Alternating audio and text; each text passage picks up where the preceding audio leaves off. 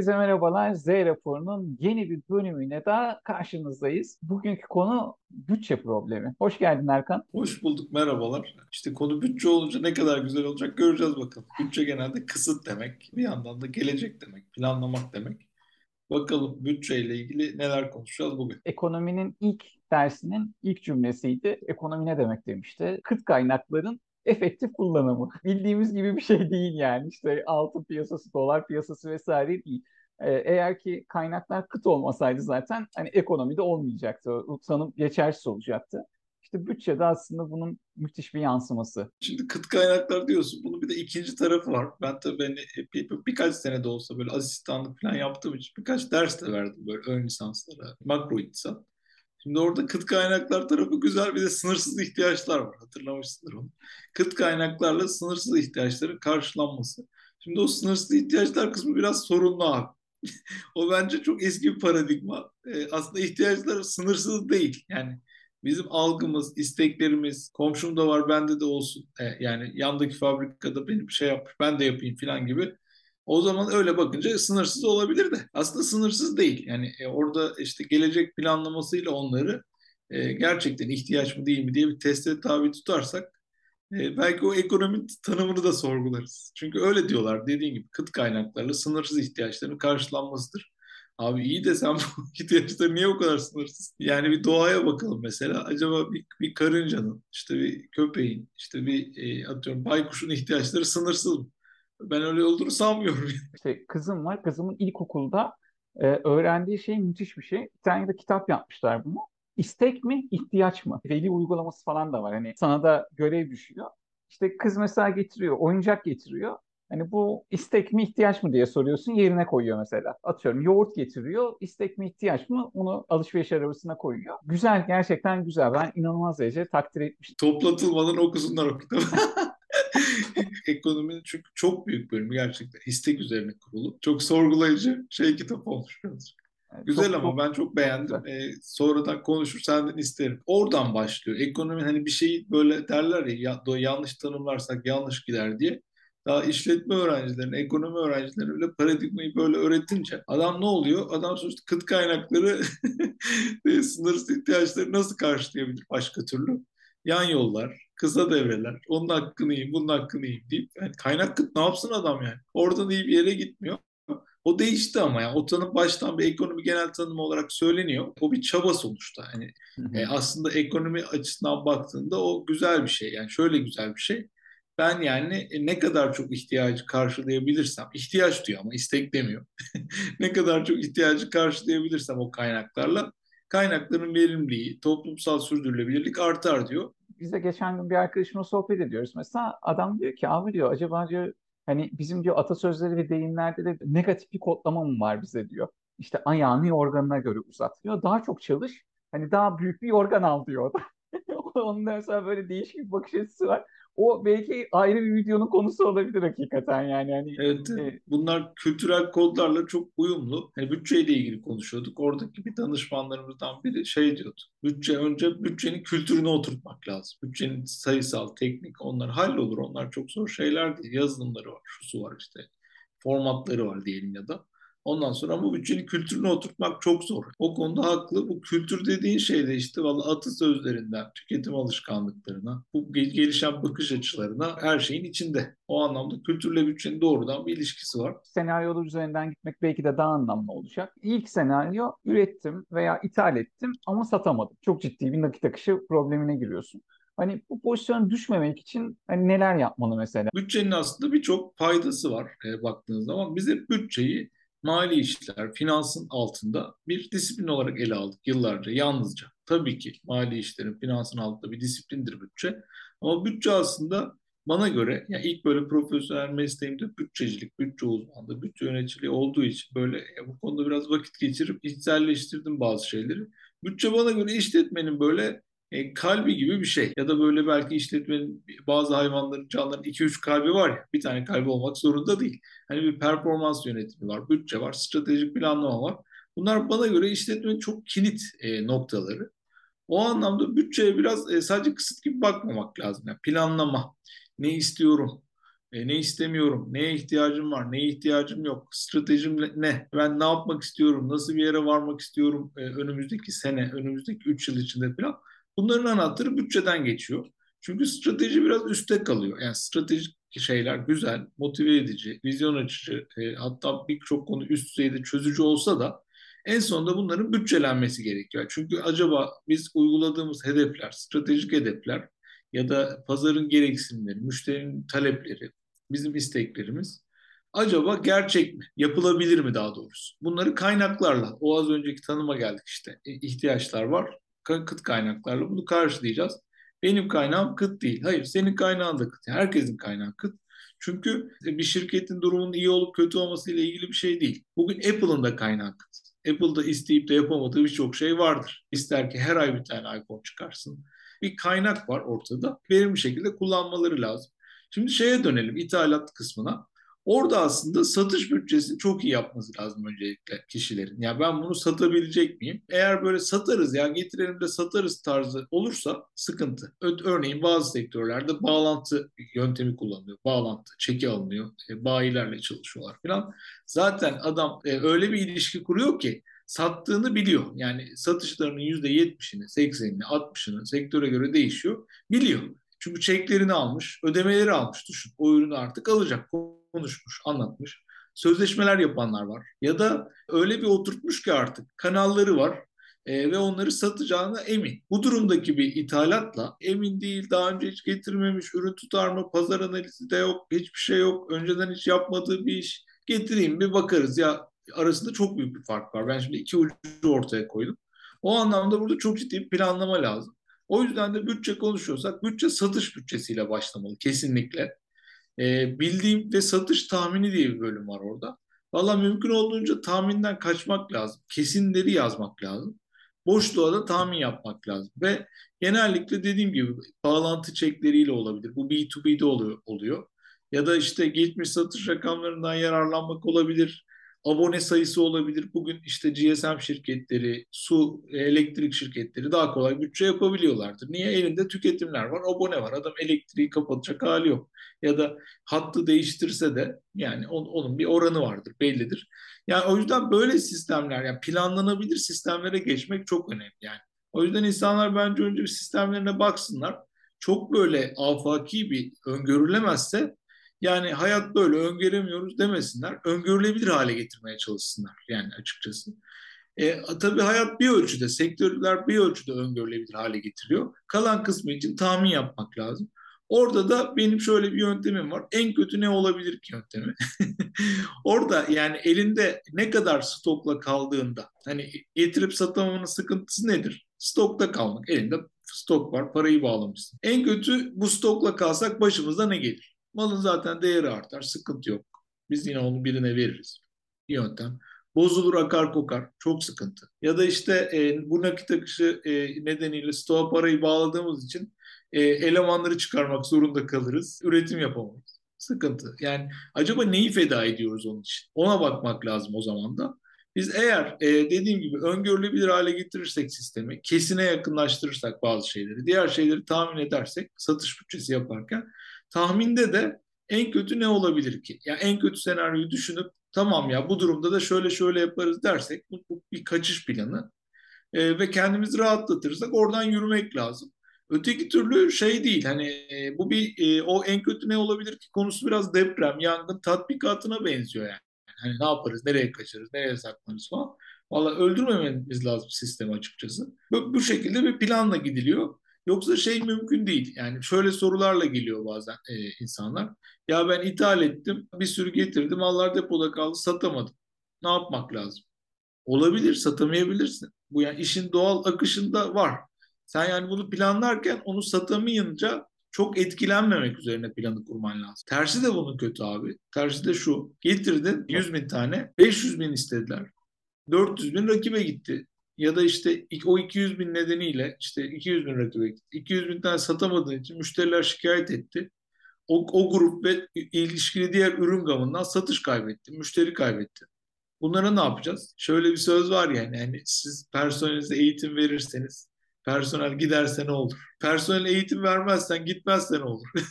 yani tersinden tersinden bakmak bakmak lazım biraz da aslında. O nedenle orada bir e, senaryo analizi yapmak lazım ve e, gerçekten orada bir bir Excel'de bütçeyi ne de yapıyorsak artık bir sigorta poliçesi diyorum ben böyle şey. Bir sigorta poliçesi yapmak lazım. Bu başıma gelirse böyle yaparım ne olacak? Dediğiniz anda o bütçe çalışır. Biraz uzun bir cevap oldu ama idare et, edin. Yok yok e, hatta ben de e, biraz ekleme yapayım. Ya burada özellikle senin de belirttiğin gibi hani akar mı kokar mı elimde kalsa hani SKT'si olan ürünlerde son kullanma tarihi olan ürünlerde çok çok farklı bir yol izlenmesi gerekiyor gerçekten de. Orada çünkü zamanla yarışıyorsunuz. İkinci konuda e, sizin ürününüzün ihtiyacı bitebilir doğal nedenlerden ötürü. Hani orada da çok daha farklı bir şekilde bütçeleme yapmanız gereksin. Ürününüz örnek veriyorum ben hani e, Ekim ayında tüketilirse eğer bir değere sahiptir. Bazen böyle ürünler de olabilir. E, o sebeple ikisi de e, gerçekten de önemli. Yani ben mesela işte e, yurt dışından ithal bir mama getirecektim. Köpek maması getirecektim. Hani bütçe tutmadı yani. o yüzden getirmekten vazgeçtim. Neden? Hani emin olamıyorsunuz pek çok şeylerden. İşte üretici ürünü üretti. Ne kadar süre sonra acaba bunu kargoya verdi size? Burada şeyi de ekleyebiliriz abi bu söylediklerin. Çok önemli. Yani iki tane şey. Birincisi yasal. Yani yasal olarak belki de o ürün kullanılamaz hale gelebilir. Bir de müşteri beklentileri önemli tabii. Müşterinin e, bazen e, ara ara trend değişimleri oluyor. Bilmem neye talep olmuyor. Yani getiriyorsun kalıyorsun onda. Onları sonra şey yapamıyorsun. Çok düşük bedellerle.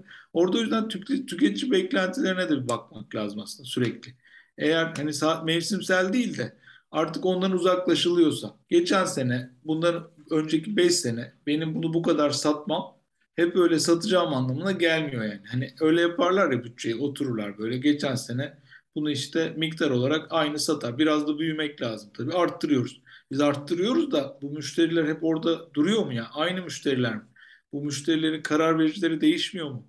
Yeni nesil insanlar gelmiyor mu? işe girmiyor mu? Ya da aile şirketi ise müşterilerimiz örneğin alt nesil karar verici olmuyor mu? Hani bunlara bir bakmak lazım yani. Oradaki bir değişim çünkü eski ürünleri, e, eski şeyleri sorgulamamıza neden oluyor. Ya ben o yüzden e, sıfır bazlı, sıfır tabanlı bütçeleme diye bir şey var, ekol var. Yani aslında hiçbir şey yok. Üzerine hayal kuruyorsun. Ben onu çok destekliyorum yani. Buna bir iki hafta fazla çalışıp bunu yapmak lazım aslında. Geçmişimizden tabii ki yararlanalım. Hocamızın sözü, sözü vardı. Kendisini aralım buradan Melih Baş. Böyle dikiz aynasına baka baka ileri gidemezsin yani. Bütçede öyle bir dert var. Dikiz aynasına bakmak lazım ama niye baktığını unutmamak lazım. İleri bakmak lazım genelde. Zero based budget pek çok firmanın şu anda gündeminde hatta pek çoğu da geçiyor. Hatta şu anda benim gördüğüm uygulamalar şu şekilde bir klasik bütçeleme yapılıyor bir hani sıfır tabanlı yapılıyor. Ondan sonra çarpıştırıyorlar bunları. O bana kalırsa daha da güzel bir uygulama açıkçası. Hani, evet, e, evet. Ben de buna şahit oluyorum pek çok firmada. Hani senin söylediğini mesela en güzel uygulayanlar film üreticileriymiş. Hani film üreticisiyle bütçesi, bütçe ne alaka dersen mesela bir çocuk filmi yaptı mesela. Birinci seriyi yaptı. E, 7 yaşa kadar izleyici kitlesiydi onu. Eğer ikinci seriyi 5 sene sonra çıkartıyorsa işte biraz daha böyle hani şiddet içeren vesaire bir şeyler koyuyormuş. Ya örnek vereyim hatta Harry Potter serisi var. Birinci filmi 7 yaş sınırı var. İkinci filmiyle birinci film arasında çok uzun bir zaman var. İkinci filminde 13 yaş sınırı mı 11 yaş sınırı mı ne var? Çünkü adamlar şunu hesaplamışlar. Hani ilk filmi 7 yaşındayken izlemiş kitlem benim hala hedef kitlem. Onlar da büyüdü. De- demiştin ya işte bu ürünün hala piyasada alıcısı var mı? Burada zaten iki tane şey var yaklaşım. Birincisi senin dediğin. Ben, ben eğer o hedef kitleye, o kişilere kendim, aynı gruba kendimi sabitlediysem o zaman onlar yaşlanınca ben de yaşlanacağım. Onlar üniversite okuyorsa ben de üniversite okuyacağım. Onlar evlendiyse ben de evleneceğim. Boşandıysa ben de boşanacağım. Baktığı zaman ne yapıyorlarsa yapacağım ki onlara hitap etmeye devam edebileyim. Diğer seçenek de ben bir yaş grubuna sabitlediysem kendimi o zaman o yeni yaş grubu ne özellikler taşıyorsa ona göre değişeceğim. Yani bunu da görüyoruz. Bunu da nelerde görüyoruz. Bazı hala yıllardır bitti deyip bitmeyen şarkı sanatçılar oluyor ya şarkıcılar. Bakıyorsun yeni tekno katıyor araya bilmem ne katıyor. Biz ne diyoruz ona? Bu bozdu diyoruz. Bu bozdu da o sana göre bozdu. O yeni kitleye hitap etmeye çalışıyor aslında. O anlamda bunların ikisi de uygun ama ne yaptığını bilmek lazım. Ortaya karışık yapayım. Ben onları da etkileyeyim, onları da etkileyeyim dediğin zaman geminin batmasına hazırlanmak O lazım. zaman hakikaten bozuyorsun yani diyorsun. Gerçek, gerçekten S- öyle oluyor. Bu strateji bütçe işte işlerinde en tehlikeli şey arada kalmaktır. Yani e, bir uç böyle, yani bir uç şöyle, e, arada bir tatlı su balığı gibi bu buradan yürüyeyim dediğiniz anda siz kararı ötelemiş oluyorsunuz. O zaman da pazar ve piyasa şartlar kararı vermiş veriyor. O karar da genelde sizi dışarıya doğru böyle. Ya bir de şey var özellikle hani şu anda e, ekonominin biraz böyle çalkantılı olduğu dönemlerdeyiz. Şu da var hani sattım ama paramı alamadım. Ya bu bana kalırsa böyle şimşek gibi falan bir etki yapıyor firmalara. Ya bilemiyorum buna nasıl hazırlıklı olunur? Siz bütün bütçede dengelediniz yani işte X tarihte bu para gelecek dediniz. Vadesi var dediniz vesaire. Çoğu hani küçük esnaf için de konuşursak eğer hani cüro edilmiş, defalarca cüro edilmiş çekler var. Çeklerden biri var belki elinizde. Çeki ciro eden kişiye de ciranta deniyor. Çok enteresan bir şey böyle Ha, havalı ha, da ben, bir ha, ben onu bilmiyordum. havalı da bir ismi varmış onun. Ya gerçekten hani elinizde bir çek var. Hani defalarca cüre edilmiş. Esnafsınız işte. Çok yaşadığınız bir şey. O çekin işte karşılığı yoksa ne olacak? Hani ödeme gününüz geldi. Ya buna nasıl hazırlanılır acaba? Burada abi işte nakit akışı bütçesi diye az önce biraz satış bütçesinden falan bahsettik. Tabii bunların devamında işte üretim bütçesi, satın alma bütçesi gelip tekrar satış bütçesini revize etmek falan lazım. Bunun böyle bir süreci var kendi içinde. Ama senin bahsettiğin nakit akışı bütçesine giriyor. Nakit akışı bütçesi e, bayağı zor. Yani çünkü bir nakit akışı var, bir nakit akışı bütçesi var. Şimdi nakit akışı bir plan gibi bir şey zaten. Nakit akışı bütçesi de planın planı gibi bir şey böyle. O yüzden oralarda çok karışıyor. Bakıyorum böyle nakit akışı e, bütçesi yapmayıp nakit akışıyla dönenler var. Ya da nakit akışı bütçesi yapıp nakit akışı kullanmayan var. Onlar zaten çok sıkıntı. İkisini de ayrı ayrı yapmak lazım. Nakit akışı bütçesinden neyi kastediyoruz? Daha böyle geniş bir projeksiyonda, yıllık, işte 3 aylık dilimlerle olabilir. Büyük bir ödeme gelecektir. Büyük bir kredi ödemeniz vardır. Ee, işte ya da bir, bir atıyorum bağlantıdan bahsettik ya demin işte Kasım ayında bağlantı çeklerini alırsınız ya da işte bilmem ne ayında büyük bir proje vardır. Büyük bir iki müşteriniz vardır. Örneğin savunma sanayine iş yapıyorsunuzdur. E, bütün paranızı Haziran'da alacaksınızdır. Bir buçuk yıllık. Bunlar nakit akışı bütçesi yani büyük kalemleri oturtmak. Ya da e, işte fuarınız vardır. Çok büyük para harcayacaksınızdır orada. Ya da bir sezonsallık vardır. İşte gelir gider ona göre değişecektir. Dondurma şirketleri ne kadar dondurma kışın da yenir deseler de yazın ister istemez patlama hala devam ediyor. Bunları oturtmak lazım. Para gelir gider gibi. Şimdi ama diğer konu nakit akışı daha günlük. Yani işte devlet bir şey açıklıyor Merkez Bankası. O herkes bir şeyler oluyor, değişiyor yer. Borsa yükseliyor. O bilmem ne oluyor. Bir anda bir sektörle ilgili bir kötü haber ya da iyi haber çıkıyor. Hareketlenmeler başlıyor. Herkes bir, du, bir, bir duralım bakalım diyor. Bir duralım bakalım deyince genelde duran şey olur. Ödemeler. İnsanlar para ödememeye başlarlar. Herkes biri tatile çıkar, öteki işte yoğundur, öteki yurt dışındadır, gelince ödeme, ödeme olur falan. Açıkçası yine tırnak içinde söylüyorum, ödemeleri biraz sallamalar başlar açıkçası. O sallamalar başladığında da domino taşı gibi herkes ödemeleri yapamaz falan filan. Orada işte e, küçük olan çok sıkıntı yaşar. Çok böyle küçük bir havuzda hareket eden bankalara muhtaç olur. E, bankalar onlara şey vermezse de Allah korusun batmaya doğru gider. Havuzu büyük olan riski dağıtır bilmem ne o krizi atlatır. Şimdi bu ikinci kısımdaki şeyi yönetmek için abi e, çok ciddi tedbirler almak lazım.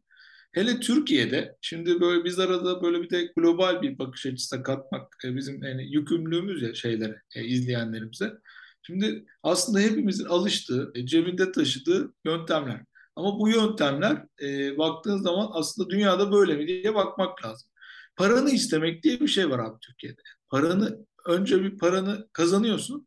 Sonra o para gelsin diye yine çalışıyorsun. Yani bu çok yanlış bir şey abi yani bunu böyle ne zaman değişir, nasıl olur bilmiyorum. Bu kültür böyle ne yapalım deyip geçiştirilecek bir şey değil bence. Bu ciddi bir verimsizlik yaratıyor insanlarda.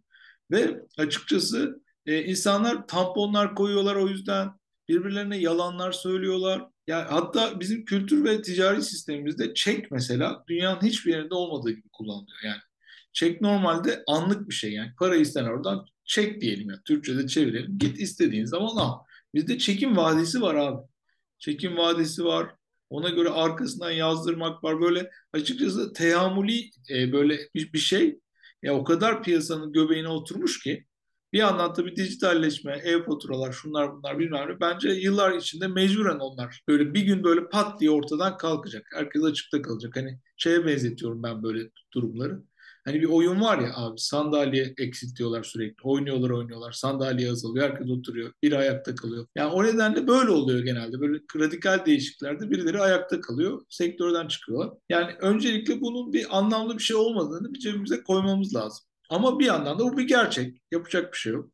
O yüzden e, tahsilatı takip etmekten çekinmemek lazım. Utanmamak lazım. Yani ben açıkçası bir kere aradın. Her hafta da arıyorsun. Abi her hafta arıyorum. Her hafta ödemiyorsun sen de. Ödesene şu paranı yani. Ya ben sana çalıştım. Atıyorum danışmanlıkta bizim başımıza geliyor. Hizmetimi verdim. E bugün ödeyeceğim, yarın ödeyeceğim. Yani orada yine geçenlerde bir bahsettim. Şimdi başka bir Kemal Sunal filminden örnek verelim. Ya adam Kemal Sunal çok beğeniyorum onu. Yiyor, köfteyi beğendin mi diyor adama. O da diyor böyle konuşamıyor. E, güzel diyor. E diyor paramızı ver de biz de bir şey yapalım diyor. Biz de mutlu olalım. Böyle bir yandan e, bakıyor ceplerine. Ondan sonra e, ağzı dolu bir yandan yiyor. Böyle böyle yapıyor falan bir yandan. Arıyor. Para yok, para yok. E, cüzdanı çalmışlar herhalde. Sonra en sonunda e, veriyor eline e, köftecinin ekmeği. Tut şunu bir diyor. Sonra bir anda koşmaya başlıyor. Kaçıyor. Yani o sahne benim çok hoşuma gidiyor böyle. Tam ibretlik. Yani malı veriyorsun, hizmeti veriyorsun. Adam parayı vermek istemiyor sana yani bir şekilde. Öyle diyor, böyle diyor. Araya birilerini sokuyor. Araya kademeler sokuyor. Onu arıyorsun. Ödeme günümüz diyor. O diyor, bu diyor bilmem ne.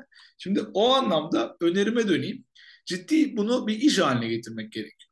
Birinin görevinin tahsilat olması gerekiyor şirkette. Şirket büyüdükçe. Tahsilat planlarını çıkaracak ve tabirim mazur görüp seneyin yağını çıkaracak gibi bunlarla uğraşacak yani.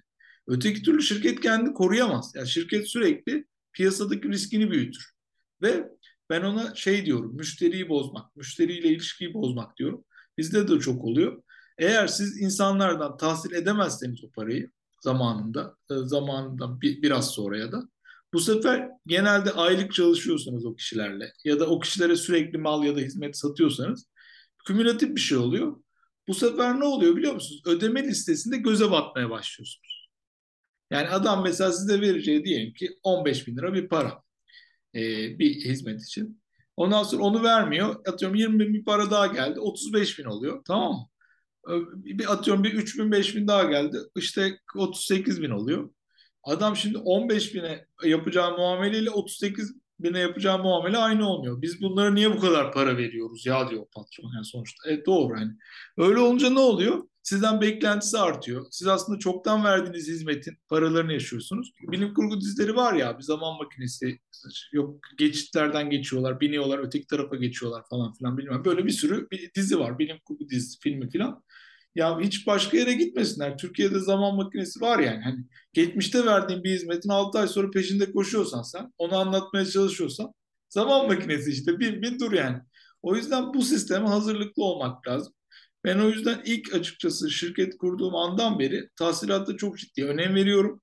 Bildiğim böyle e, futbolda kademe sistemi var ya hani offside'a düşürüyorlar hep birlikte çıkıyorlar hep birlikte geri çıkıyorlar falan. Onun gibi böyle kurguluyoruz biz açıkçası. Diyorum sen ara öteki buradan baskı yapsın muhasebeyi arasın en son noktada ben gireyim falan. Hepimiz aynı dili konuşuyoruz arkada. Kesinlikle nefes aldırmıyoruz yani. Böyle, bu ara Jesus var ya baskı yapıyor. Pres. Tam sağ pres abi. Yani bunu öneriyorum ya. Bu sistemi kurun, utanmayın, çekinmeyin. Yani yaptığınız e, çünkü işin parasının gelmesi çok önemli. Bir de gelmiyorsa da bunun sinyallerini almak da çok önemli. Dedin yani para gelmezse ne yaparım? Gelmiyorsa bunu bir gün bir gün önce öğrenmek başka bir şey. Bunu bir ay önce öğrenmek başka bir şey. Yani e, arada çünkü çözüm bulacak vakit e, bulabilirsin. Kredi mi alırsın, başka bir yere bastırırsın Orada ek bir işe para kazanmaya mı çalışırsın artık elden bir şey mi çıkarırsın? E, bu anlamda ben abi çok sıkı bir e, ne diyeyim size nakit e, akışı politikası uygulanması gerektiğini düşünüyorum işletmelerde. Hatta bazen bana şey diyorlar bizim durumumuz o kadar sıkıntılı değil Erkan Bey ya enseyi karartmayalım falan. Sıkıntılı değilse daha da sıkmak lazım. o zaman da sağmak lazım sistemi yani anlatabildim mi? Ben o çünkü piyasa o karı ya da o ekonomi ekonomik e, sektör o karı bana kısa bir süreliğine veriyor. Bir süre sonra rakip çıkacak, biri inovasyon yapacak bilmem ne. Ben orada akarken doldurmalıyım tabiri caizse ki yatırım yapayım. O nedenle ben nakit akışı konusunda çok e, sıkı politikalar uygulamak gerektiğini düşünüyorum. Bütçe ayrı ama nakit akışı politikaları da ayrı. Hem İç Anadolu kültürümüzden hem Akdeniz kültürümüzden şey var işte bizde. Yani işte istenmez, utanma, sıkılma. Yok arkadaşlar yani hani o eğer ki parasını vermeye utanmıyorsa hani vermemeye Aynen daha doğrusu öyle. siz istemeye hiç utanmamalısınız yani. yani siz en nihayetinde malınızı satmışsınız veya hizmetinizi vermişsiniz vesaire hak ettiğiniz şeyi istiyorsunuz. Yani hani utanacak tarafın karşıdaki tarafın taraf olması gerekiyor. Ya o konuya gerçekten de hani vurgu yapmak lazım açıkçası. Programı belki e, İngilizce yapsaydık, başka bir yerde konuşsaydık çok farklı şeyler anlatacaktık ama gerçekten de Türkiye'de hukuken çek görüldüğü yerde ödenir hukuksal olarak. Ama dediğim gibi hani bizde çekin vadesi vardır. E, vadesi olduğu için de iğrenç bir şekilde çek kırdırma denen bir şey de var. Yani hani uygulamalar birbiriyle böyle o kadar yanlış e, gidiyor ki Hani çek var, çekin vadesi var. E vadesi olan şeyi vadesinde önce almak isterseniz kırdırmış oluyorsunuz vesaire. Yani maalesef ki Türkiye olduğundan dolayı biraz daha farklı. E, o paranın gelmeme ihtimali varsa bir şekilde şüpheye düştüyseniz o zaman belki hani kısa zamanda para gelecek şeyler yapabilirsiniz. Hani arada bütün yumurta aynı sepete koyma diye bir e, laf var büyüklerimizin. Bana kalırsa da doğru. E, benim de eğitim aldığım bir finans hocası şunu söylemişti bana. Hani Mehmet demişti büyük şirketleri batıran tek şey nakit akışıdır demişti. Hani hiçbir böyle uzun vadeli yatırımla, kısa vadeli yatırımla vesaire uzun vadeli alacakla falan filan batmaz. Hepsi nakit akışından batar demişti. Hani tarih tek evreden ibarettir. Bugün böyle, yarın da yine böyle olacaktır demişti. O yüzden bütçe, satış bütçesi, nakit akışı ya bunları hiçbir şekilde dengelemek gerekiyor ama aynı zamanda işte piyasa beklentileri, pazardaki değişiklikler bunları da çok çok iyi analiz etmemiz gerekiyor. İnsanlar şimdi paralarını kültürel olarak isteyemiyorlar. Tamam ayrı. Ama bir de şunun için isteyememeye de var. Yani ben bu müşteriyle arayı bozmayayım. Müşteri bulmak kolay değil. Ben bu müşteriyle arayı bozarsam ya o zaten e, biz aramızda hallediyoruz. Vardır ya kaçmıyoruz, buradayız. Alacağız, al, bizde kimsenin alacağı kalmaz abi. Ama bunların tersi finansta üç tane kelime var. Paranın zaman değeri. Ya sen bunu bugün mü vereceksin, yarın mı vereceksin, öteki hafta mı? Bunların arasında büyük bir fark var. Ya ben de ona göre işim gücümü ayarlayacağım. Bir. İkincisi ben hani diğer tarafı şiddetlendirmek için böyle şiddetli kelimeler kullanıyorum. Kullanacağım şimdi. Dalga mı geçiyorsun abi? Yani ben iş yaparken bugün yarın demedim ki. Yani ben hizmet verirken, mal üretirken bugün yarın deyip seni sallamadım ki. Salladıysam başka bir konu. Ya ben burada niye böyle bir muamele görüyorum? Yani o anlamda burada biraz cesaretli olmak lazım. Ve şöyle düşünmek lazım. Değer önerisi diye bir laf var ya. Yani beni bu müşteri neden tercih ediyor? Benim bu müşteri ona ödeme kolaylığı sağlayıp paraları hep ödemediği, ödemeden çalıştığı için tercih ediyorsa çok büyük bir sorun abi. Ya bu sizin firmanızın değer önerisinde, ürün hizmetinde düşünsenize tercih edilme nedenine bak sen yani. Bu zaten böyle bir noktadaysanız valla hemen bir dönüşüme girmek lazım. O sektörden bir çıkmak lazım. Ee, çok ciddi radikal kararlar mı almak lazım? Yok bu bir kaygıysa sadece, alışkanlıksa, arayı bozmayalım, ağzımız tadı kaçmasınsa o zaman da kademe anlayışı getirmek lazım. Çünkü sizin satış ekibiniz kötü olmak istemeyebilir. Ama muhasebe ekibi var, finans ekibi var. İçeride kötü bir tane genel müdür yardımcısı yaratabilirsiniz. Kötü bir tane ortak yaratabilirsiniz kendi içinizde. Özetle bir gaz var, fren var yani arabada bile. Onun gibi böyle hani e, bu farklı pozisyonlara bu şeyleri yükleyerek ya yapacak bir şey yok abi bizim finansal sistem böyle yönetiliyor. Ben de bir şey diyemiyorum. Genelde bu patron şirketlerinde çok ciddi gözüküyor bu. Çünkü adam arıyor. Abi sizin muhasebe sürekli bizi arıyor ya bu kadar para için. Ya dediğinde o da ben söylerim aramaz dediği anda kendi elemanını ezmiş oldu. Bitti olay. Ama orada şöyle diyebildiği anda valla bizim finansı kıza bıraktık. Kızın ekibi arıyor. Bir şey diyemiyoruz biliyorsun artık. Sen de hatta profesyonelleşmen lazım bence abi. Gel senle bir çay içelim sana tecrübelerimi anlatayım. Başka bir boyut. Hani bakın üzerinden attı kız hatta kıza attı topu. Belki oturacaklar kızların çocuklarını çekiştirecekler. Arada ama aramalar devam edecek yani. Özetle bu bilek güreşini e, kazanmak lazım. Yoksa gerçekten şey sıkıntıya gider. Şimdi bütçe anlamında diğer hani kalan şeylere bakarsak çok konu var. Çok detaylı bir konu bu aslında. Ama benim böyle bir de şeye vurgu yapmak istiyorum. Bütçeyi sadece böyle işte mali disiplin, mali kontrol aracı olarak düşünmeyip biraz da böyle hayalleri gerçekleştirme aracı olarak düşünmek gerekir. Çünkü işletmelerde şöyle bir sıkıntı var. İşletmelerde daha çok hızlıca getiri sağlayan ya da yönetime, patrona işte neyse artık e, yönetim kuruluna yakın olan kişilerin isteklerinin daha hızlı gerçekleşmesi gibi bir durum var. Yani bundan kaçınamıyoruz. Bütçe bir fırsat eşitliği sağlıyor aslında. Ya da adalet sağlıyor neyse artık.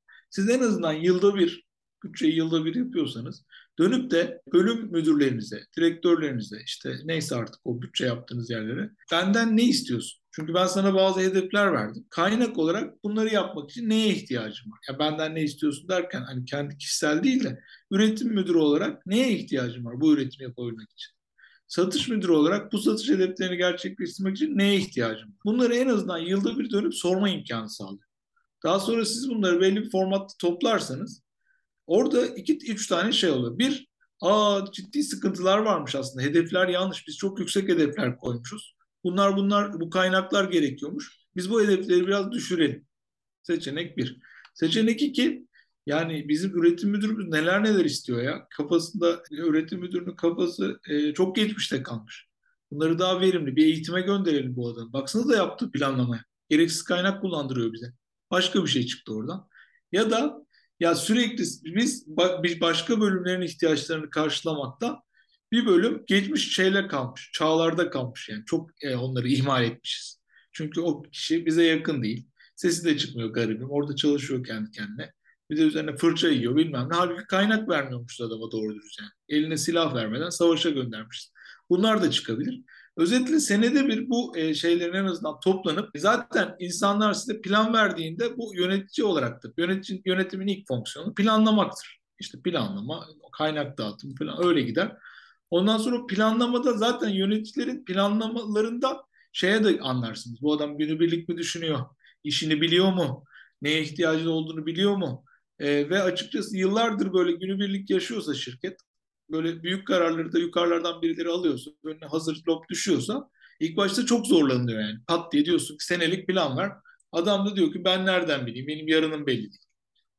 Ondan sonra diyoruz geçen sene ne sattın? Ben dün kahvaltıda ne yediğimi unuttum diyor. E şimdi sen o zaman burada yürüyemezsin. Geçmişini de bilmiyorsun. Geleceğini de bilmiyorsun. O zaman burada bir yönetimden bahsedilemez. Sen yönetici maaşı alan bir operasyon elemanısın. Kıdemli olabilirsin. Gelecek yok, geçmiş yok. Nasıl olacak? O anlamda bütçe biraz bunları da ortaya çıkarıyor. Yani yönetim reflekslerini de anlıyorsun. Böyle iyi bütçe yapan, geleceği iyi öngören, planı pat diye öne koyabilen insanlardan korkmayın. Onlarla siz konuşabilirsiniz. Planlarını minimize etmelerini isteyebilirsiniz. Daha cüretkar olmalarını isteyebilirsiniz artık yerine göre. Ya da o değil de bak atladıkları boşlukları gösterebilirsiniz. Kimden korku biliyor musunuz? Bütçeye vermeyenden korku. Bütçe vermeyen çünkü ya kendi yetersizdir, göremiyordur, ne yapacağını bilmiyordur ya da bir şey saklıyordur. Bulanık hoşuna gidiyordur. O nedenle aslında bütçe o kadar güzel bir yönetim aracı ki mali disiplin dışında bunlara da girmek lazım. O yüzden de böyle e, bir yayının başında bahsetmiştik biraz kültür diye. Bütçeye genelde biz şöyle yapıyoruz. Ben hani bütçe danışmanlığı başladığımda şöyle yapıyorum. Önce beklenti yükseltiyorum bütçeyle ilgili içeride. Diyorum ki bütçe öyle iki tane Excel, iki tane şu bu değil. Bayağı bir yönetim biçimi değişikliği. Haberiniz olsun. O nedenle biz bu bütçeyi ilkini yapacağız. İlki kesinlikle güzel olmayacak yani. Haberiniz olsun. İlki kesinlikle kırılacak, dökülecek, olacak, bu olacak. O yüzden toleranslı olun lütfen. İlkini bir yapalım. Sistemlerimizi test edelim. Bakalım raporları alabiliyor muyuz sistemlerden öncelikle. Yani veri yoksa bütçe yok yani çünkü. Ya da işte e, bütçe yaptıktan sonra karşılaştırmaları alabilecek miyiz? Sistem testi. Yöneticiler planlamaya nasıl bakıyorlar? O, onun testi. Şirket ortakları planlamaya nasıl bakıyorlar? Onun testi. Belki istemediği şeyler gelecek. Ya da kendi bütçe dışında tutmaya çalışıyor. Mesela yatırım bütçesi çok sancılıdır. Yani çünkü ister ki yöneticiler, şirket ortakları bordrolu personel bütçe yapsın, kendileri yapmasın. Kafalarına göre takılsınlar. Aynı para. Sen oradan durup dururken ben bunu yapacağım, ben karşıya X restoranı açacağım dersen durup dururken yani vücuttan nasıl kan alındığı zaman nasıl etkileri olursa böyle yatırırlar, meyve suyu verirler falan. Baygınlık geçirirsin yani. Yok öyle bir şey. Onu da planlaman lazım. Yani Kimse sana bir şey diyemez. Sen şirketin tamam patronusun, ortağısın, tamam seviyoruz seni tamam. Ama senin bunu da bir öngörüde bulunman lazım yani. Ve belki de ayağını yorgana göre uzat atasözü doğruysa onu da şimdi sorgulamaya başladık. Orada da senin de ayağını yorganına göre uzatman lazım. Seneye aç o restoranı yani. Hani kaçmıyor. Ama o firmayı batıracaksın çünkü firmanın hedefleri gerçekleşmeyecek. Özetle bütçe bayağı e, zihinsel bir e, devrime dönüştürüyor aslında süreci düzgün uygulanırsa. Ben hani bunları da bir e, belirteyim dedim. Ben hatta bütçenin bu tarafının daha katma değerli olduğunu düşünüyorum. Yani çünkü bu tarafı olunca diğerleri zaten standart prosedürler olarak arkasından geliyor. Bunları söyleyebilirim. Yani saatlerce konuşabilirim bütçeyle ilgili ama insanları da sıkmayın. Bütçe gerçekten de hani o kurumun odağı oluyor. Yani hakikaten hani bir bütçe yapıldığı zaman özellikle bu önümüzdeki yılın bütçesi mesela açıklanıyor. Herkeste inanılmaz bir odak oluyor. Ee, işte bu bütçeyi de gerçekleştirmek için hani bütün şirket içerisindeki bütün personelin belirli roller üstlenmesi gerekiyor. Genelde hani satış bütçesi hep satışta ya. O işte acayip bir bütçe rakamı açıklanmış. Nasıl satacak bizim satışçılar vesaire deniyor. Şu anda şuna evriliyor. Ee, belki hani e, küçük veya e, işte aile işletmeye de buna benzer tezler alabilirler bu programdan diye açıklamak istiyorum. E, mesela satışçının hedeflerinden bir tanesi satış yaptığı müşteri kartının bilgilerini tam olarak muhasebe departmanına örnek veriyorum birkaç saat içerisinde, bir gün içerisinde vesaire iletmek. Hani neden?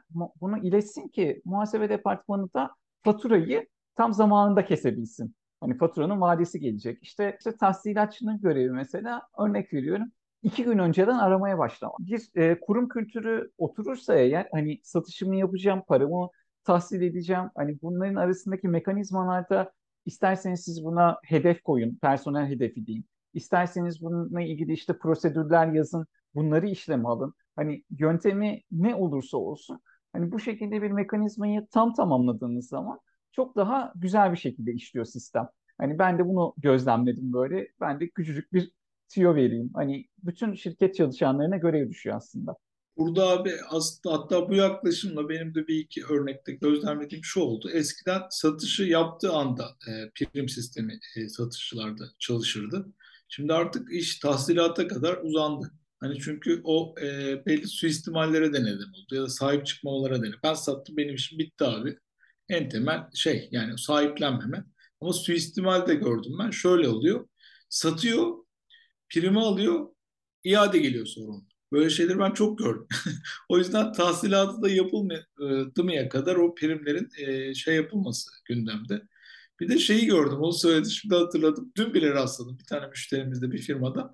Yani o kadar konuşuyoruz, büyük şeyler, şunlar bunlar bilmem ne bir yatırım yapıldı böyle bir yerde. Ondan sonra bir iş başladı, büyük bir işbirliği başladı bir, şir bir şirkette, üretim şirketi. Yani o işbirliğinin diğer tarafı e, bunları aramış demiş ki ya yaptık ne güzel üretiyoruz bilmem ne.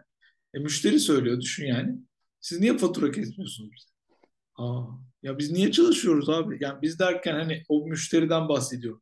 Ben onlara sonuçta onların hani icra kurullarında destek veriyoruz onlara üye olarak. Onları ya biz o kadar uğraşıyoruz ama para gelsin diye uğraşıyoruz. Sen ya bitmedi ki orada. Sen faturayı kesmedikten sonra niye çalışıyorsun yani? Hani bu kadar temel düzey bir şey aslında o e, hengamede işte kurumsallıkta, birimler arasında falan gözden kaçabiliyor. Derler ya çok komik geliyor bana bu, şu ironik geliyor. Şöyle e, masada otursan ben hani genelde biraz daha insancıl yönetim, önce insan falan felsefesini sevini, savunuyorum yönetimde, bütçede bile. Ama bu insanlar baktığın zaman şey gözüküyor. Daha önce para, paramız, bilmem neyimiz gözüküyor. Ama parasını al hani nerede para? Yani fatura kesmemişsin. Sen fatura kesmezsen e, oradan ödeme tarihi alamazsın ki. Ödeme tarihi alamazsan takibini bile yapamazsın. Süreç başlamaz. Bir de hani e, bu tahsilat, paranı takip etme kültürü var ya. İstesen paranı istemeye kalksan daha faturanı dün kesmişsin abi. Ama belki de hizmet, ürün neyse artık 3 ay önce teslim edildi belki de. Yani o anlamda gerçekten böyle küçük şeylerde e, bo boğuluyoruz. E, bu çok böyle trajikomik yani. Hani insan böyle gülümsüyor falan ama yani gerçekten çok üzücü. Yani biz bu bütçeyi hani bu yayında bitirim, bitirmemiş olabiliriz. Belki de e, evet, başka evet. yayınlarda başka kısımlarını konuşuyor oluruz. E, çünkü e, hakikaten bana kalırsa da işletmenin kalbi evet hani misyon diyoruz, vizyon diyoruz ama asıl hedef bütçe yapılınca çıkıyor aslında. Ee, Aynen öyle. O kaynak dağıtımı ve onun gerçek olup olmadığı o zaman anlaşılıyor. Ee, şey yapıp bence böyle Kasım'a doğru genelde bütçe takvimleri başlar. Belki orada bir bütçe nasıl hazırlanırla ilgili bir videoda çekebiliriz. Evet çünkü hani yetmedi. Evet hani çok çok büyük laflar var işte e, gol diyorlar, işte strateji diyorlar, taktik diyorlar vesaire. Bana göre her şey bütçe onu söyleyeyim. Hani misyon, vizyon vesaire. Bunlar tabii ki önemli ama hani şey e, bütçe konusu elzem gerçekten de. Aslan yattığı yerden belli olur derler. Bana bana göre de öyle. İşletme bütçesinden belli olur. Hani ben gerçi bir yer, birçok yerde konuşuyorum böyle. Bütçe yapıyor musunuz diyorum. Herkes böyle camp gün falan bütçe yapıyoruz diyenlere de nasıl yapıyorsunuz diyorum. Anlatmaya başlıyorlar. O gerçekten çok önemli bir gösterge. Çünkü genelde bu onu yapıyorlarsa ve orada bir gelişmişlik varsa işletmenin e, diğer yerleri de düzgün akıyor. Çok büyük ihtimal. Çok büyük bir korelasyon var aslında orada. Çok teşekkür ederim. Ben kendi adıma hani güzel bir e, hani yayın olduğunu düşünüyorum topladığımız evet. açıdan ama bitiremediğimizi de düşünüyorum tekrardan. Evet, evet, evet. Bütçe daha uzun zaman ister. Ben de teşekkür ederim. Ya izleyenlere de hani bütçeyle ilgili soruları varsa ya da böyle şu şu şu şu taraflarda sıkıntılar yaşıyoruz. Bu bu, bu e, alanlar alt başlıklarda e, merak ettiklerimiz var diye e, yorumlar yaparlarsa videonun altına e, biz de şey yaparız. Onlara cevaplar da yazabiliriz kısaca. Çok ciddi bir talep ya da aynı yönde bir şey gelirse o konu başlığıyla da ilgili video çekebiliriz aslında. E, bu anlamda e, izleyicilerimiz bizi yönlendirebilirse seviniriz. Yani neyi merak ediyorsanız e, biz sonuçta des destek amaçlı buradayız. O alanda da bir video organize edebiliriz sizler. Evet, daha fazla destek amaçlı burada olmamız için de abone olursanız ve bildirimleri açarsanız ayrıyetten de seviniriz.